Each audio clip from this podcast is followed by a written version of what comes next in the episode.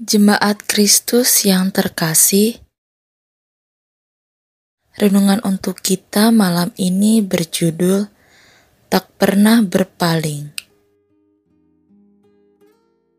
dan bacaan kita diambil dari Kitab Bilangan 6 ayatnya yang ke-22 sampai dengan ayatnya yang ke-27. Beginilah firman Tuhan. Tuhan berfirman kepada Musa, "Berbicaralah kepada Harun dan anak-anaknya. Beginilah harus kamu memberkati orang Israel. Katakanlah kepada mereka, Tuhan memberkati engkau dan melindungi engkau. Tuhan menyinari engkau dengan wajahnya dan memberi engkau kasih karunia.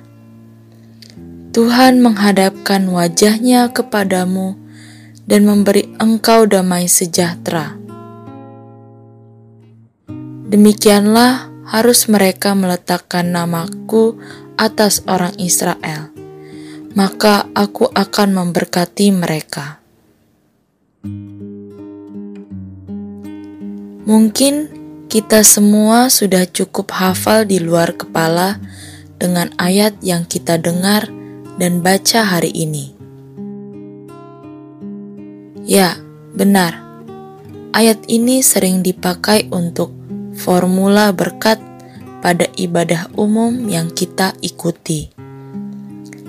Kalau kita menilik isi dari bacaan kita saat ini, ada hal yang menarik dan sekaligus memiliki arti yang dalam. Formula berkat ini dapat dibagi menjadi tiga bagian. Yang pertama adalah menyebutkan berkat dan perlindungan yang Tuhan berikan.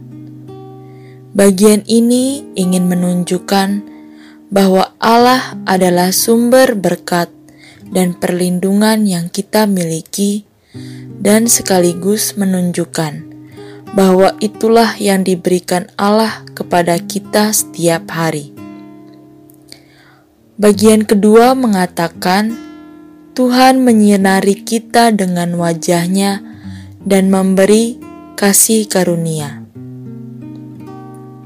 Ini menjelaskan bahwa Allah berkenan kepada kita dan juga memberikan kasihnya.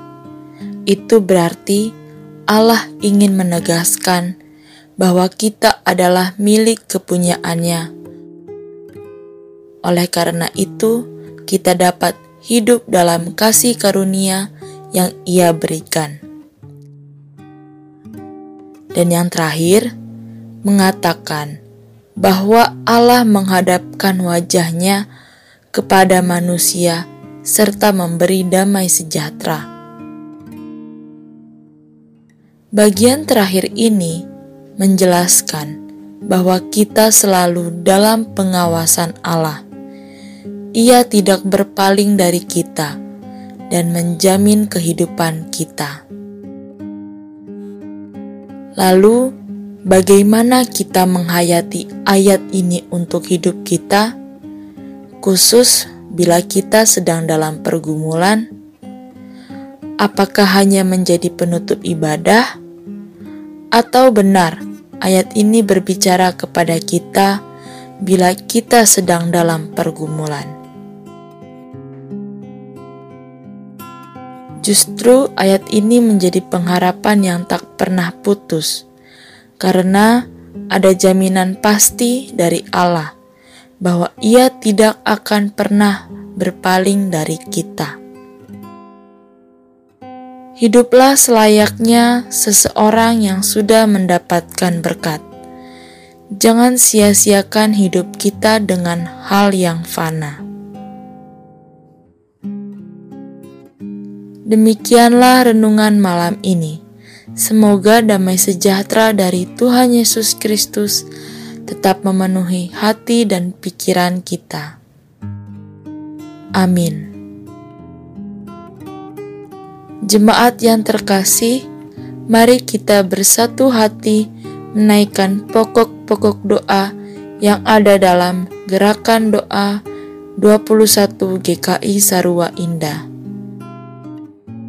Mari berdoa.